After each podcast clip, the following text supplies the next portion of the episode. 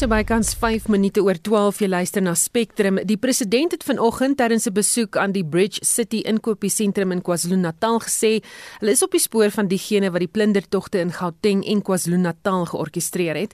Hy sê die meerderheid Suid-Afrikaners het dit duidelik gemaak dat pogings om onstabiliteit en verdeeldheid te skep nie geduld sal word nie. It's quite clear that all these incidents of unrest and looting were instigated and our intelligence services and our police have now got a line of sight of what actually was happening here with the instigation and with the coordination and the planning.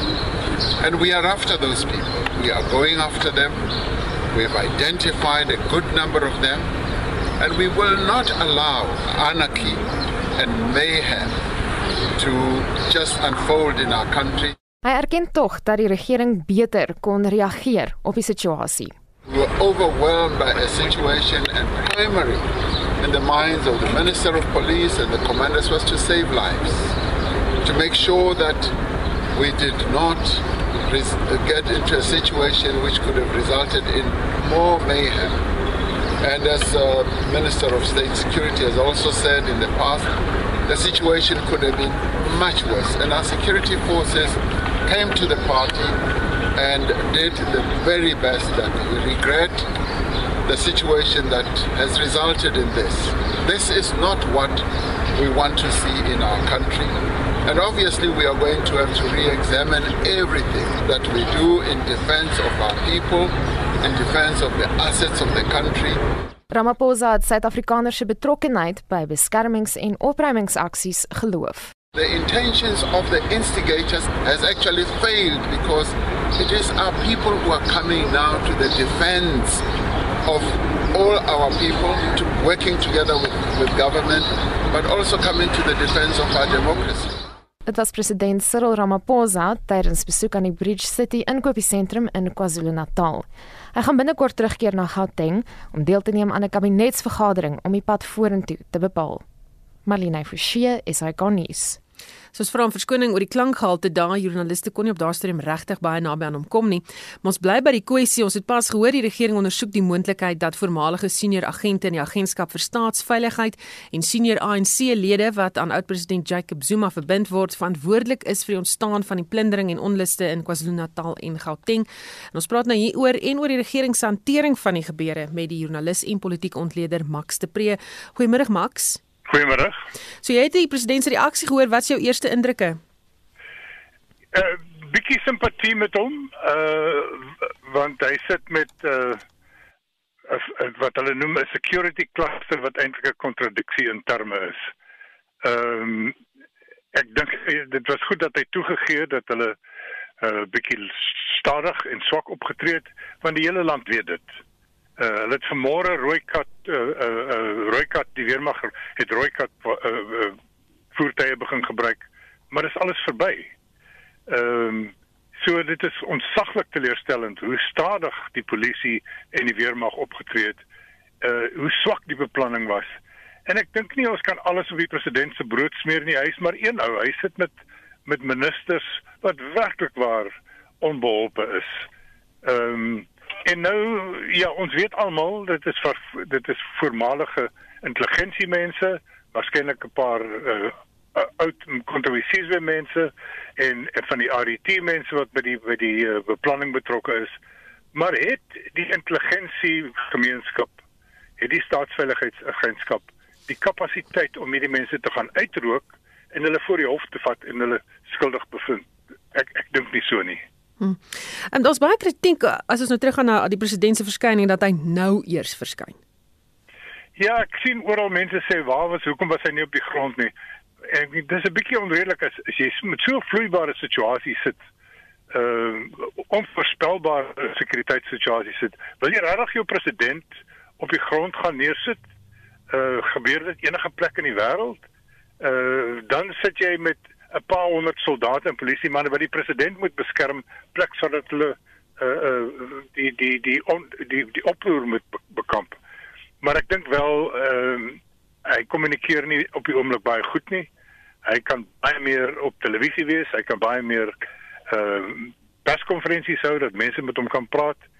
Ehm um, maar wie weet hoe hoe dit in aangaan in die ANC. Hy sit met die twee goed. Uh, hy moet die land red, maar hy moet ook die ANC in een stuk hou. En hy het baie vyande in die ANC. Hmm. Ons kom terug na die ondersoek dan nou van inligting dat voormalige senior agente van staatsveiligheid en senior ANC-lede verantwoordelik was vir die ontstaan van hierdie onluste. Um skets hierdie nou vir ons 'n prentjie van wat eintlik in die regerende party aangaan. Ja. Ja, ek dink dis meer uh, as mense vra het die die tikkende tydbom wat ons so lank al van hoor, het dit nou in Suid-Afrika ontplof? Dan sê ek nee, nie eintlik nie, maar daai bom in die ANC het ontplof uh die ANC gaan nie hierdie ding kan oorleef in een stuk nie. Uh dat dat 'n groot ele, sterk elemente in die ANC is besig om die die wese van die staat aan te val.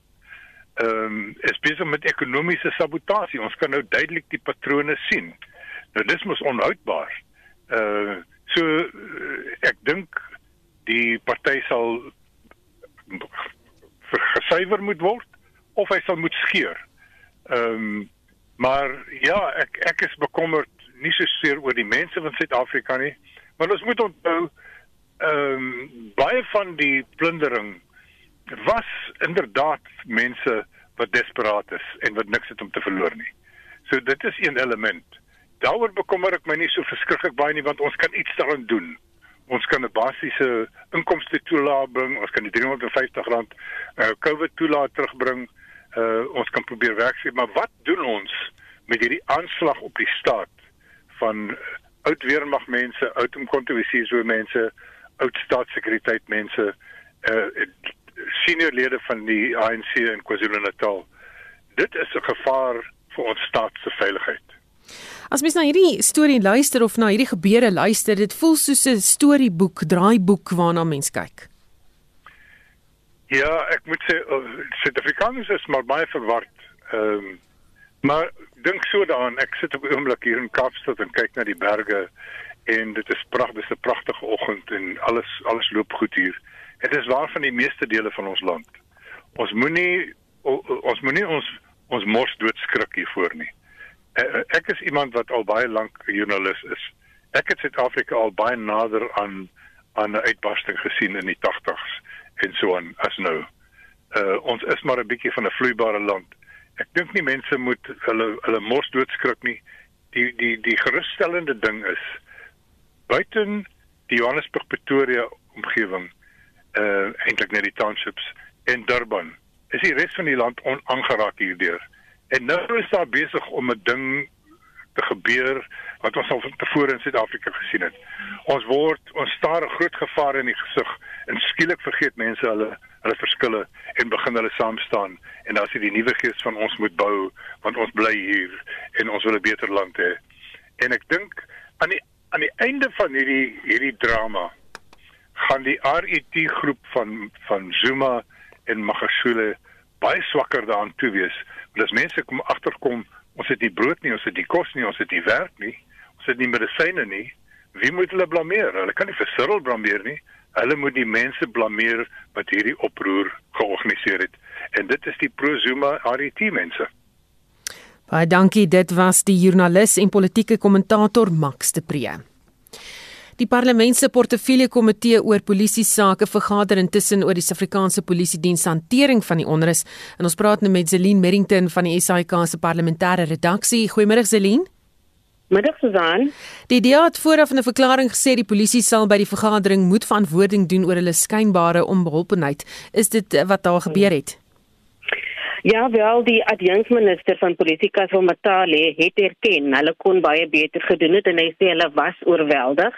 Hy sê hulle het nie verwag dat ehm um, uh, ek gesê uh, na die ehm um, die uh, konstitusionele hof se bevel teen voormalige uh, president Jacob Zuma het hulle hulle het gekonsentreer op dit wat by Nkandla gebeur het en ehm um, hy sê hulle is baie beïndruk met hoe uh, die polisie dit daar hanteer het dat daar nie enige bloed gevloei het en so nie maar hulle was te oorweldig deur dit wat daarna gebeur het. Hulle was nie voorberei op dit wat daarna gebeur het nie en hy het dit nou erken.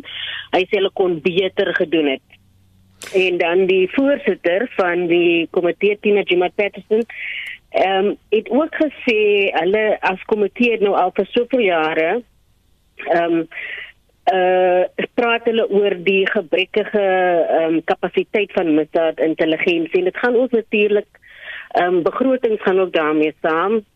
En dis uiteindelik het dit nog gewys dat ehm um, die afgelope ehm um, amper meer as 'n week was dit toe nou ehm um, waar die swakpunt was was misdaad intelligensie maar Susan dit is nou nie vir my baie duidelik op die stadium. Elkeen is besig om vrae te vra Dit is vir my duidelik of, of, um, of ons uiteindelik nou ehm um, duidelikheid gaan kry oor presies waar was die gebreke of waar was die ehm um, hoekom uh, het die ehm um, intelligensie nie by polisie uitgekom nie. Want Tina Juma Patterson sê nou ook moenie dat ons te veel konsentreer op jy weet ons weet nou dis wat gebrekkige intelligensie so nie te veel daarop hamer nie. Kom ons kyk liewer hoe kan ons die situasie vorentoe hanteer en dat ehm um, elkeen liewer leiding moet gee en met die pad vorentoe. Maar so wat jy nou weet, dit keer die die ehm um, die eh uh, politici om nou wel te sê dat die polisie verskriklik gefaal het in in hulle plig nie. Ehm um, hulle gebruik byvoorbeeld frases so dat police failed spectacularly and there was a dismal failure by police en ehm um, die minister is nou in 'n in 'n ander vergadering besig en die nasionale uh, kommissaris Ehm um, so daar's 'n bietjie kritiek dat hulle nie in hierdie vergadering is nie, maar daar is ook so baie vergaderings wat by die stadium plaasvind oor ehm um, die gebeure in Gauteng en KwaZulu-Natal. Hmm. Ehm um, maar dan ook die provinsiale kommissaris van Gauteng en KwaZulu-Natal het ook uh, aan LP gesê die situasie is baie beter vanoggend. Dinge is nog nie kalm en rustig nie, maar hulle voel hulle het 'n beter handle op dinge alhoewel ehm um, die inligting wat LP kry ehm um, is nog steeds teenstrydig met dit wat hulle sê. Baie dankie, dit was ons parlementêre verslaggewer Zailien Merrington. Vroeger in die week het luisteraars in KwaZulu-Natal aan ons vertel hoe gemeenskappe in hulle onderskeie dorpe begin saamtrek om hulle self te beveilig. Maar stories van dreigende voedselnood is ook gedeel. Ons het gaan uitvind hoe dit vandag gaan. Van maandag af was hulle bekommerd geweest oor wat gaan ons eet. Daar het gister 'n kind vir my gesê dat ek moenie bekommerd wees nie, hulle sal maar net water drink. So hulle kan klaar sien die dorp is gesluit, al die winkels is toe, mense kan niks koop in Greytown nie. So die kinders is bekommerd oor wat gaan hulle eet, wat gaan hulle doen? Hierdie boodskap van Pieter Swanepoel, die direkteur van die Greytown Kinderhuis, het lede van die publiek aangegryp. Die boodskap was van 'n 14-jarige dogter wat gesê het sy en ander kinders van die kinderhuis sal eerder water drink as daar nie meer kos oor is nie. Swanepoel wat reeds 25 jaar lank by die kinderhuis betrokke is, sê hulle het 'n paar kosdonasies ontvang sedert Woensdag en hulle kon 'n paar goed gaan aankoop. Hy sê hulle bekommernis is vir nou uit die weg geruim. Ons het nou genoeg kos vir omtrent 'n week. Die supermark het vir ons oopgemaak en uh, ons kon kos kry. Ons het nog nie brood vir vandag nie, maar hulle het vir ons gesê hulle wag ook vir voorraad en hulle gaan ons laat weet sodra dit kom. Dan het ons ook toiletware gekry vir die maand. So die nodigste toiletware het ons gekry. So uh, ons is baie bly. Ons die situasie in die dorp, ons het gister het die meeste van die winkels oopgemaak, so daar was lang toue geweest maar dinge het definitief verbeter. Daar was so 'n bietjie brandstigting geweest nog gisterand, een winkel wat aan die brand gesteek is. Maar by die kinderreis is ons baie dankbaar vir die hulp, vir die skenkings wat ons ook gekry het. Ons het ook skenking van groente gekry van 'n plaaslike maatskappy, dit soos kool en spinasie en so voort en oor die algemeen kan ons dit ons voel bietjie beter en dit gaan beter en ons ons is baie dankbaar. In Iberdien aan die suidkus waar mense teen Woensdag reeds geen brood of melk meer oorgehad het nie, sê 'n inwoner Hilton O'Dwyer, winkels in die dorp het gister die eerste keer weer oopgemaak. Mense het reeds van 06:30 gisteroggend af in rye begin staan om in te gaan. Gister se rye eh, sou ek sê seker definitief meer as 500 na 1000 mense in 'n ry gehad. Vandag is hulle korter, ek sê so plus minus 100 150 in 'n ry. Maar die rye beweeg redelik vinnig. Daar's baie effektiewe beheer deur goeie teenwoordigheid van die polisie en die sekuriteitsmaatskappye, plaaslike maatskappye en ook van die publiek wat instaan as vrywilligers. Mense word toegelaat om 5 op 'n slag of 10 op 'n slag in te gaan. Die winkels en geen ondersteuning in terme van voorraad nie. So wat ook al uitverkoop is gister en vandag bly uitverkoop vir nou. Heel duidelik sal brood en melk en daai tipe goed ook nie beskikbaar wees totdat daar weer verskaffers is wat dit bring nie. Maar die mense wat nou die geleentheid gebruik, koop maar wat hulle kan. Word mense byvoorbeeld geransoneer in terme van die hoeveelheid items wat hulle kan koop? Ja, dit is ook nodig. Jy kan 5 items koop en gewoon is dit nou maar vir die wat dit kan bekostig seker sinvol om die groter maat items te koop. As jy dit nou nie doen nie, dan sal daar 'n paar mense wees wat hulle vergryp en ander sal daarsonder gaan.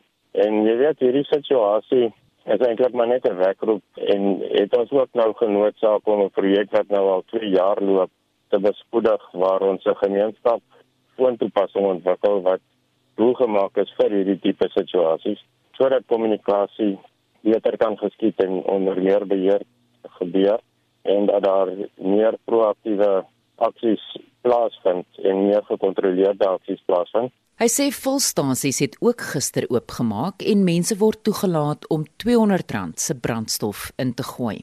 Hy sê daar heers gemengde emosionele reaksie oor die onluste in die dorp en die res van die provinsie vir die wat met die verkeerde inligting rondloop, is dit 'n baie gespanne gemoedstoestand. Mense wat nou beter ingelig is, is bietjie rustiger. Ek dink die terreur wat daar plaasvind, het 'n effek op elke huishouding en op elke persoon.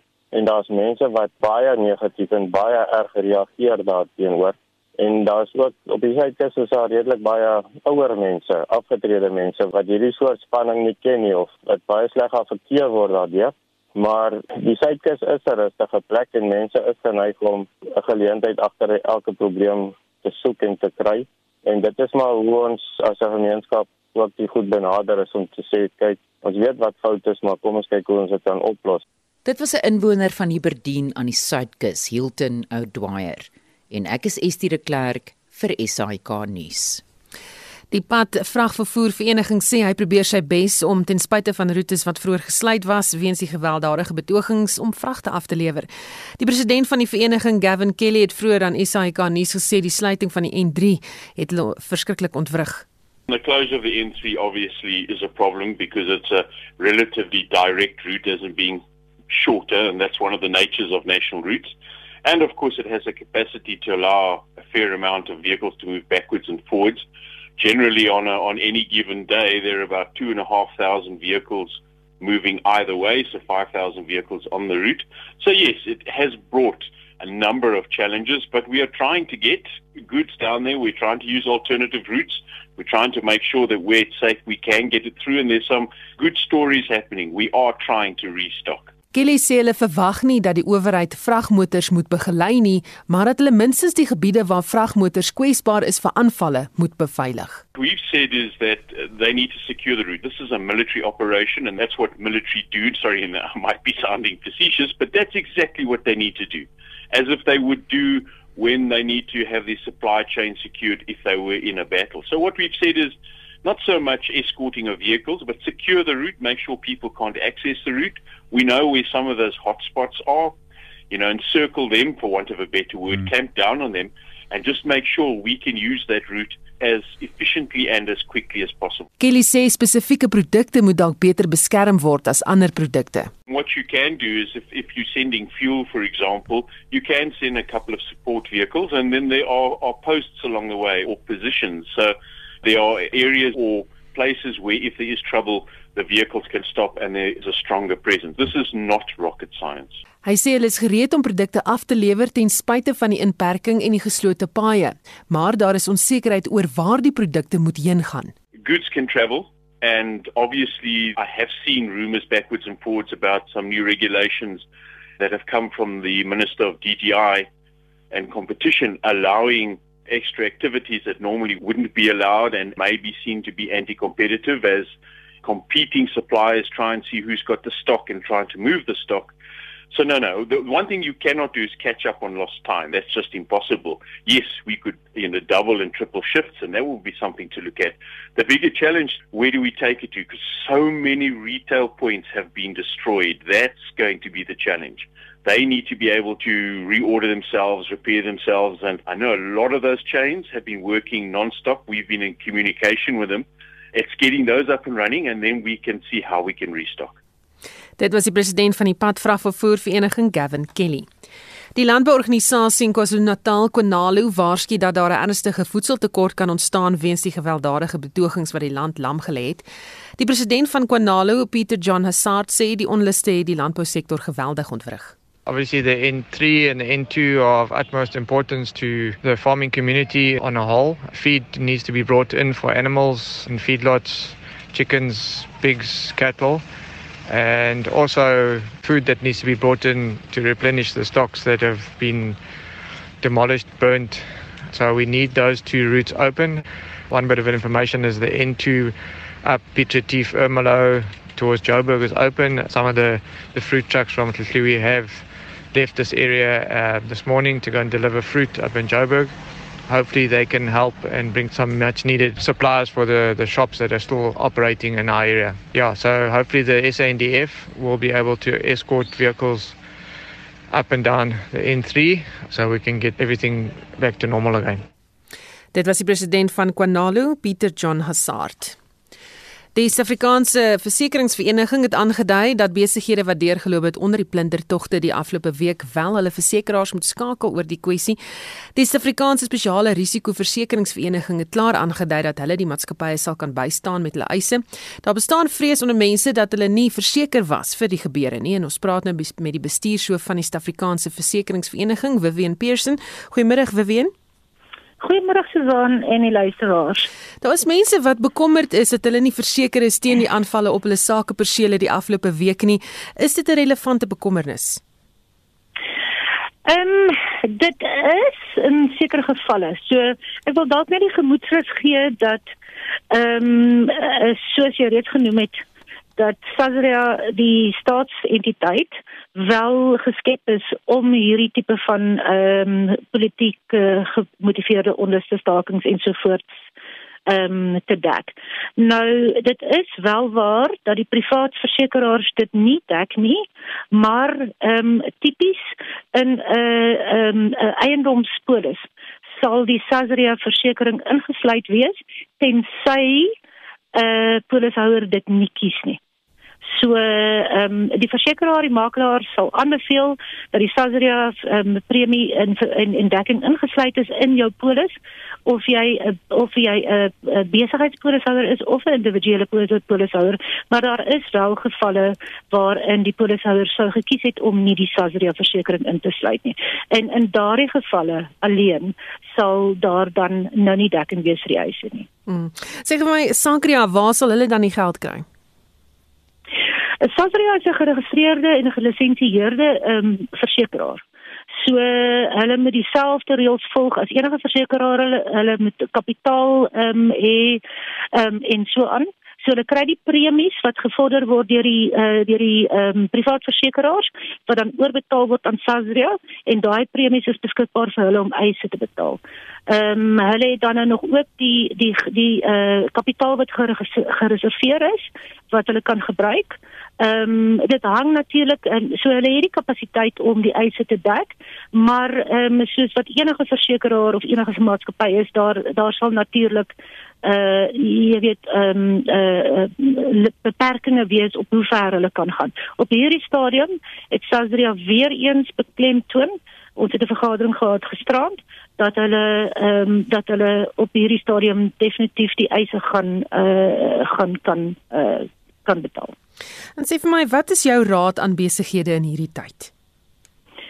My raad is in eerste plek, plek um, om so veilig as moontlik te bly. Jy, jy weet, dit is ek dink dit is die belangrikste. Ehm um, kalm te bly en dan indien daar uh, uh indien jy wel jou verliese gelei het, uh, so gou as moontlik met jou versekeraar of jou makelaar te betaal en so gou as moontlik jou eis in te dien by jou versekeraar. Ehm um, sodat die die die uh eiseproses ehm um, in plek gesit kan word so gou as wat ons kan.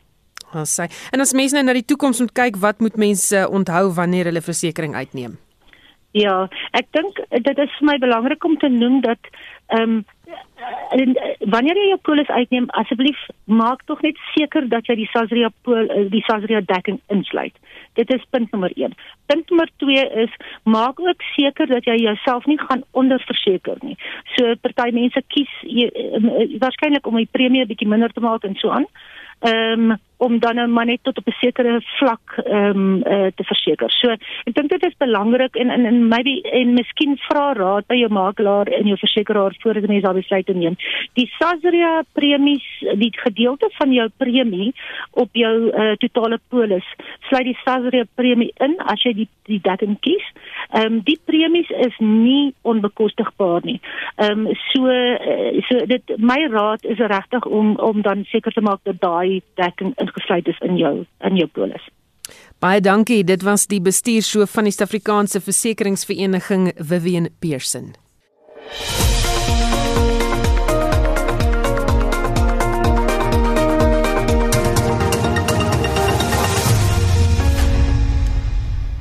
1239 jy luister na Spectrum die registrasieproses om ingeënt te word vir mense 35 jaar en ouer het gister geopen. Die departement van gesondheid het aangedui dat 'n rekord aantal mense geregistreer het toe die registrasieproses oopgemaak is. 16435 nuwe COVID-19 gevalle is die afgelope 24 uur aangemeld en 377 mense is in die tydperk dood. Die COVID-19 hulplyn was gister so oorweldig met oproepe dat dit op 'n stadium buite werking was toe Spectrum die nommer gebel het. Dit is weer herstel. Dit dui op die groot onsekerheid wat nog heers wat betref die inentings en ons praat nou met die infeksiebeheer spesialis van 3 Militêre Hospitaal in Bloemfontein, Kloete van Vieren. Goeiemôre Kloete. Hallo Susan.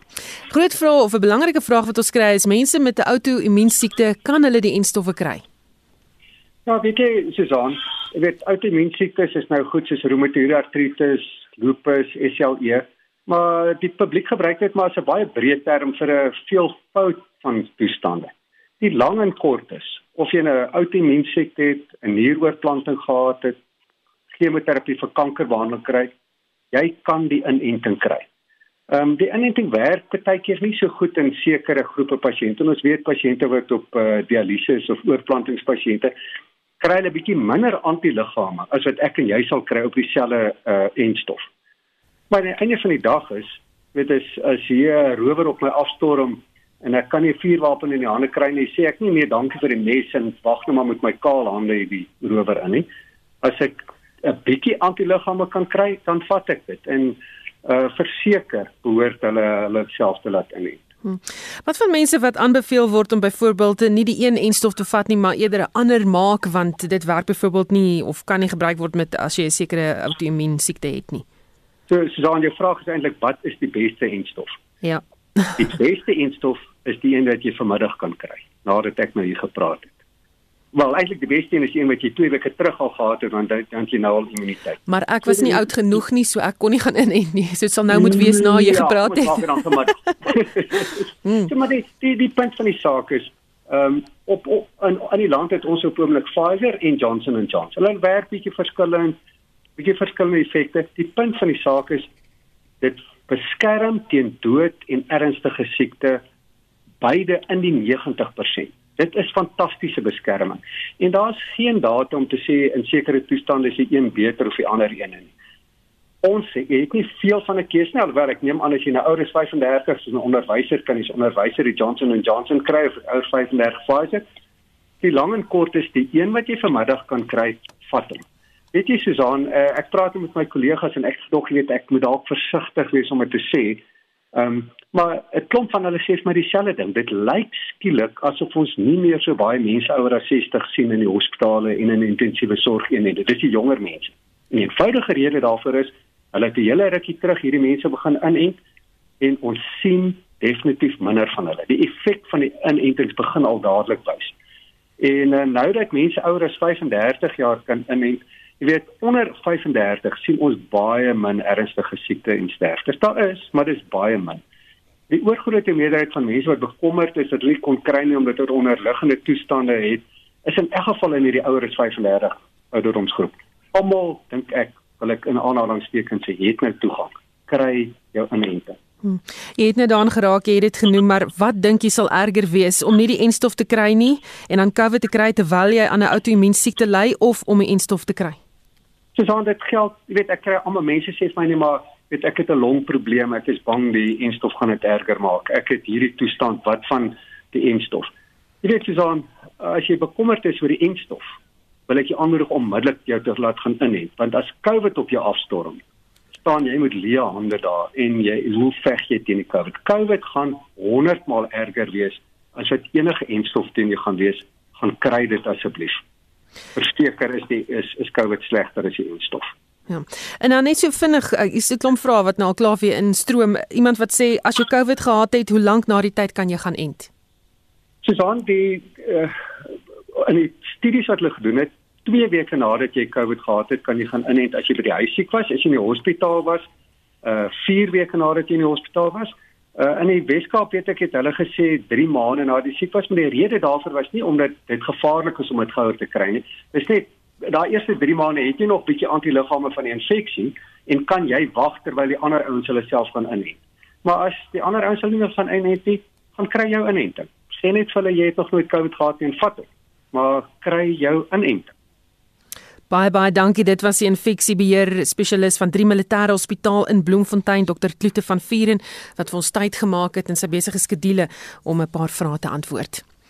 Suid-Afrika is die tweede land in Suider-Afrika na ons buurland Eswatini wat die afgelope tyd deur onluste getref is en ons kry nou reaksie by die Afrika-kenner Liesel Lou Wodren oor hoe streeksorganisasies op die twee situasies uh, gereageer het. Goeiemôre Liesel. Goeiemiddag. Kan die situasie in Suid-Afrika met Eswatini vergelyk word?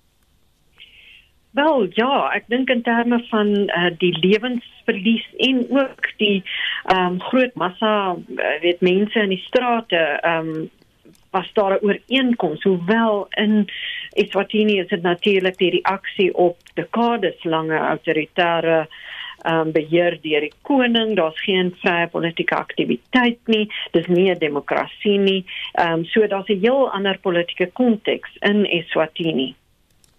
En hoe het die Suider-Afrikaanse ontwikkelingsgemeenskap of gemeenskap eerder op die gebeure in Eswatini gereageer teenoor wat hier by ons gebeur het? Ja, uh, die SAOG het ehm, 'n um, afvaardiging gestuur uh, van ministers na Eswatini onder leiding van die uh, buitelandse minister van Botswana, maar minister Pandor was ook deel daarvan. Hulle is erg gekritiseer omdat hulle eintlik maar net met die regering ontmoet het en nie met die burgerlike organisasies en dan nou die oppositie wat uh, die protes uh, optog te lei nie. Um en 'n klomp verklaringe gemaak en so aan. Um en probeer bemiddel basies. Um maar in terme van Suid-Afrika uh, feitelik geen reaksie nie. Hier en daar het een van die individuele SADC uh, lande soos Botswana met hulle mense gewaarsku oor die um gevaarzones. Daar was ook 'n bietjie uh, hoe kan ek sê weet in Zimbabwe van op sosiale media van die ministers van so haha jy weet julle kritiseer ons maar kyk wat gebeur in Suid-Afrika so daar was geen dit was maar individuele lidlande daar was geen amptelike reaksie um, deur SADC nie Nou die Afrika Unie het intussen hmm. kommer uitgespreek oor wat in Suid-Afrika gebeur het. Hoekom? Ja, ehm um, die voorsitter van die Afrika Unie Kommissie, Musa Faki Mahamat het ehm um, ek dink was Dinsdag 'n paar dae gelede het hy 'n verklaring gemaak waar hy ernstig eh uh, die geweld veroordeel het. Hy het gesê ehm um, hy spreek 'n meegevoel uit met mense van Suid-Afrika en die families en ehm um, gevra dat orde, vrede, stabiliteit en die ehm um, jy weet uh oppermag van die reg die rule of law heringestel uh, word en en hy het ook gesê dit en dit en din indien dit nie herstel word nie sal dit 'n impak hê nie net op die land nie maar op die hele streek. En so um maar die die verklaring het hy ook gesê hy um die Afrika Unie spreek sy solidariteit uit met die regering en die mense van Suid-Afrika. Nou, ehm um, Mustafa Mohammed maak die hele tyd verklaringe oor allerlei lande en situasies en baie keer is dit of dikwels is dit die regering wat die skuld het aan jy weet die vergrype van menseregte en so aan, maar in hierdie geval dit was dit maar ehm um, uit uit kommer uitgespreek. Uh, my eerste reaksie was om te sê wel genade. Hy sê dit aber baie eintlik nog nooit wel hy het al hier en daar maar bittermin gesê oor hierdie absolute menseregte jy weet volksmoord amper wat daar in die noorde van Ethiopië aan die gang is teen die Tigray inwoners maar jy weet dit is so Um, mens kan nou sê hoe kom praat oor Suid-Afrika nie oor ander plekke nie, maar ehm um, dis heeltemal in sy, hoe kan ek sê, in sy reg en, en dit is sy mandaat om so iets oor Suid-Afrika te sê. Baie dankie, dit was Liesel Wodre, 'n Afrika-kenner verbonde aan die Instituut vir Sekuriteitsstudies. Wanneer Suid-Afrikaners hierdie Sondag die verjaarsdag van oud-president Nelson Mandela herdenk, moet die opofferings van hom en ander vir die politiek vir demokrasie onthou word, soos die Mandela se voormalige persoonlike assistent Zelda Legrandsie en Hendrik Weingart het met haar gepraat. Luister naweek aktueel vir die storie en dit is tussen 12 en 1 môre middag. Nou talle Suid-Afrikaners is met reg onrustig oor die gewelddadige tonele wat die land die afgelope week in KwaZulu-Natal en Gauteng gesien het, maar juist daarom moet die voorbeeld wat oud-president Nelson Mandela gestel het nou nagestreef word. En dis die mening van Dr Leslie van Rooi, senior direkteur sosiale impak en transformasie by die Universiteit Stellenbosch en ons praat nou met hom. Goeiemôre Leslie. Goeiemôre. Jou mening oor wat ons sien gebeur het? Sjoe, wat al 'n paar dae was dit nie vir Suid-Afrikaners nie. Ek dink is tonele wat ons gedink het ons nooit weer sal sien nie. Weermag in strate, uh mense wat winkelsentrums invaar, uh geweld op vlakke uh, wat ons dit eintlik nie meer ken nie. Dit het regtig mense laat dink aan die beelde van die 80s uh, en selfs die vroeë 90s hier rondom die verkiesing waar jy nie seker is watter kantelpunt hier gaan val nie. Uh, maar dit lyk daarom of ons deur die ergste is en dit is baie bemoedigend om te sien dat die burgery vorentoe druk uh, en sê nee. So wil ons nie leef nie. Dit was waar ons was. Ons sal nie weer daar wees nie en ons wil dit vorentoe neem. Ek nou vir jou vra, waar staan ons ten opsigte van byvoorbeeld nasiebou en versoening waarvoor Madiba hom beywer het? Ja, dis natuurlik 'n moeilike ding om tans oor te dink. Uh vroeër die week toe ons moes begin dink oor Mandela Dag uh, wat ons oor die naweek sal vier, uh dink ek was ons almal nogal negatief. Uh, die die die aard en wese van Mandela mis ons op ander maniere oor die afgelope paar dae en weke uh die verstaan van uh mekaar toenader en nader na mekaar te beweeg en, en weer probeer uh met 'n gevoel van versoening vorentoe beweeg. Uh, maar ek moet sê tipies aan hoe Suid-Afrika is, as ons in ons donkerste momente is, dan kom maar op ander punte wonderlike forme van lig. Uh, en wat ons die afgelope paar dae sien en toenemend sal sien vermoed ek, uh, is dat mense oor grense heen sê nee, ons wil in Suid-Afrika leef waar ons mekaar kan vind. Ons weet waaroor ons al moes kom, waaroor ons deur moes veg uh om ander kant uit te kom. Ons sal dit weet en ons sal seker maak dat die land nie op hierdie afgrondstatus of gevoel van afgrond afgrond beweeg nie. En dit sal natuurlik vra dat ons op 'n egte manier uh, hande moet neem en mekaar moet vind. En dit is die toonbeeld uh, wat ons in Madiba kry en dis die toonbeeld wat ons oor die jare uh, moes nastreef en nou nog meer moet nastreef in Suid-Afrika. Lesie, wat sê jy aan mense wat juis vir Madiba blameer vir volgehoue sosiale of sosio-ekonomiese agterstande en ongelykhede? Ja, ek dink die kommentaar gaan oor die feit dat mense nie op 'n goedkoop manier oor versoening moet dink nie of op 'n goedkoop manier nader na mekaar moet tree nie, uh, maar dat ons op 'n egte manier harde gesprekke moet hê oor hierdie ongelukheid in Suid-Afrika wat ons weet 'n tydbom is en wat ons weet nie so kan voortgaan nie en dat ons ekonomiese stelsels en hoe ons dink uh, oor ons ekonomie en produksie en werkskepping en vaardigheidsontwikkeling op ander maniere moet dink. Nou, ek dink die oud president in die wêreld ikoon kry harde kritiek dat hy net gefokus het op versoening en dat hy nie die harde gesprekke wou hê of kon hê nie ek dink dis baie onregverdig en ek dink tog en wat ons nou sien uh vra dat aan die een kant dat 'n mens moet uh, terug gaan soek na die voorbeeld wat Madiba gestel het of die voorbeeld wat ons almal glo so 'n ikoon in die wêreld gebring het aan die een kant en aan die ander kant dat ons nie moet opgee uh met ander woorde dat ons nie die harde gesprekke moet mis en tog maar die ongelykhede uh en die verkeerde verstaane van waar ons nou is in die plek in die oom moet kyk nie. So ons almal moet hard werk. Ons kan nie net 'n blaam plaas op 'n ikoon nie en en die afgelope tyd sê vir ons dat dit onvermydelik is uh, dat ons maar mekaar in die oë moet kyk en moet streef na 'n samelewing wat nie net meer gelyk is nie, maar ook 'n samelewing waar ons nie die probleme en die kwelpunte en die frustrasies en so uh, moet mis nie. Baie dankie. Dit was Dr Leslie van der Rooi, senior direkteur sosiale impak en transformasie by die Universiteit Stellenbosch. Die minister van Polisie Bekkie Cele het aangekondig dat die polisie besig is met operasie Receipt. Die polisie gaan van huis tot huis beweeg en mense vra vir strokies as bewys van betaling vir sekere goedere wat moontlik gesteel is tydens die plundertogte. Die Suid-Afrikaanse Raad van Kerke het intussen gevra dat daar 'n amnestie tydperk aangekondig moet word sodat mense die produkte wat gesteel is kan terugbesorg sonder dat hulle vervolg word. Die sekretaris-generaal van die Raad van Kerke, Biskop Malusi Mpolwana, sê dit is 'n manier om gemoedere te kalmeer. Actually, this happens because some churches are already persuading communities and their neighbors to take things back to the police stations. And the question is, what happens? You go there and take your stuff, and then you never come back because they lock you up. And of course, that becomes a disincentive. Our focus, I mean, we know that there's so much that's been stolen. there's no way all those people are going to be found out by law enforcement officers. It's not beyond the question. But there may be those that will be found, and when they are found, they must be arrested. We certainly support that. But we want to do something beyond just the law enforcement. We want to help rebuild and restore the spirit and the personality of the person who has done this wrong, this sinful thing, that the sin must not stay with them. If they can return it and restore it, then those people have shown their repentance. And that is what we're dealing with.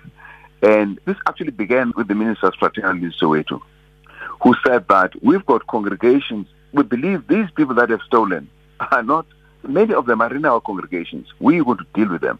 We want to be able to say in our communities, in our neighborhoods, take back what you stole. Die voorstel is egter onderhewig aan sommige voorwaardes. And there would be a time frame because what in our request we said can they consider 7 to 14 days? And within that time, you return what you stole. But we also know that some of these things are perishable. The probably been mm. consumed. I mean, there's a comical post of somebody carrying a whole forequarter of, of, of a cow. Surely that must have been consumed and finished the same day. That's not what we're talking about. But we're talking about things that people can return, but they will not know, we won't know where, which shop mm. it would have come by this time. And that's also the reason why we put a secondary thing that says things that have been returned must not be destroyed, as would probably be necessarily the case in the law enforcement system. They must not be destroyed, but there must be a system in which these can be redirected cases of need. And that's a whole process that requires the involvement of, uh, of civil society organizations that are involved in welfare, as well as perhaps SASA system En dit was die sekretaris-generaal van die Raad van Kerke, Biskop Malusi Mpolwana. Johan Strydom, portefeuljebestuurder by Sanlam Private Welvaart, sluit nou by ons aan met die jongste sake nuus en ook onder andere reaksie op die afgelope week se onluste. Goeiemôre Johan. Uh goeiemôre Susan.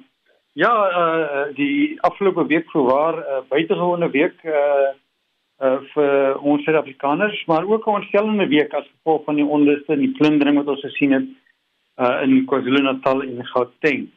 Nou, jy weet as nou 'n hele paar dae nadat dit begin het en dit wil tog lyk nie teenstaande baie fopnuus en onakkurate beriggewing of die situasie besig om te verbeter. Ehm um, veral in in Gauteng en dit wil ook blyk dat eh uh, die eh uh, onluste nie werklik eh uh, fisiek uh, vatplek of fisiek versprei het na ander provinsies nie. Maar uh, Susan is 'n mens nou uh, jy weet as mens kan nou partydig wees oor die hele saak, maar as jy mens nou na onpartydige bron wil gaan kyk uh, in die reaksie op op die gebeure, dan kyk ons na die mark. En uh jy weet ons kyk veral na wat het met die rand gebeur, ons kyk na wat het met die effekte mark gebeur. En as ons kyk na die rand wat nou verhandel op uh jy weet uh, 14.35 op die oomblik, uh wat van draai by 14.75 ehm um, vroeër in die week, dan sê die rand vir jou ehm uh, dit wil uh, blyk as dit die egte verby is en die die rand nie so bekommerd is oor oor oor uh, die gebeure uh, nie en dat dit lyk of dit uh, besig om te verbeter. Uh en die effekte mark wat by 9% gaan draai het is heidaglik by uh 8.93. So dit is ook 'n verbetering uh van uh die swak vlakke en as jy mens dit nou net gaan vergelyk uh, na verlede Vrydag se vlak van 8.85 dan uh, is die verswakking relatief min. Uh maar nietemin uh as ons kyk na die plaaslike mark vandag, dan sien ons uh, die mark is in die algemeen swakker, veral uh gedryf deur die uh, uh sterker rand en die die invloed wat dit op die randverskansde aandele het. Uh as ons kyk na die alle aandele indeks, is so 1.2% laer op 66710 punte. Die hulpbronne uh, is so 1.6% laer, finansiëel is so 0.2% laer en die nywerheidskant van die mark is so 1.4% laer van vanoggend. Die aandele is marginaal stewiger uh die loop van die oggend verhandel. Aandele wat ons oorgevang het, ons sien Netcare is so 1.8% beter, Massmart is 1.7% beter en Capitec is 1.2% beter aan die negatiewe kant.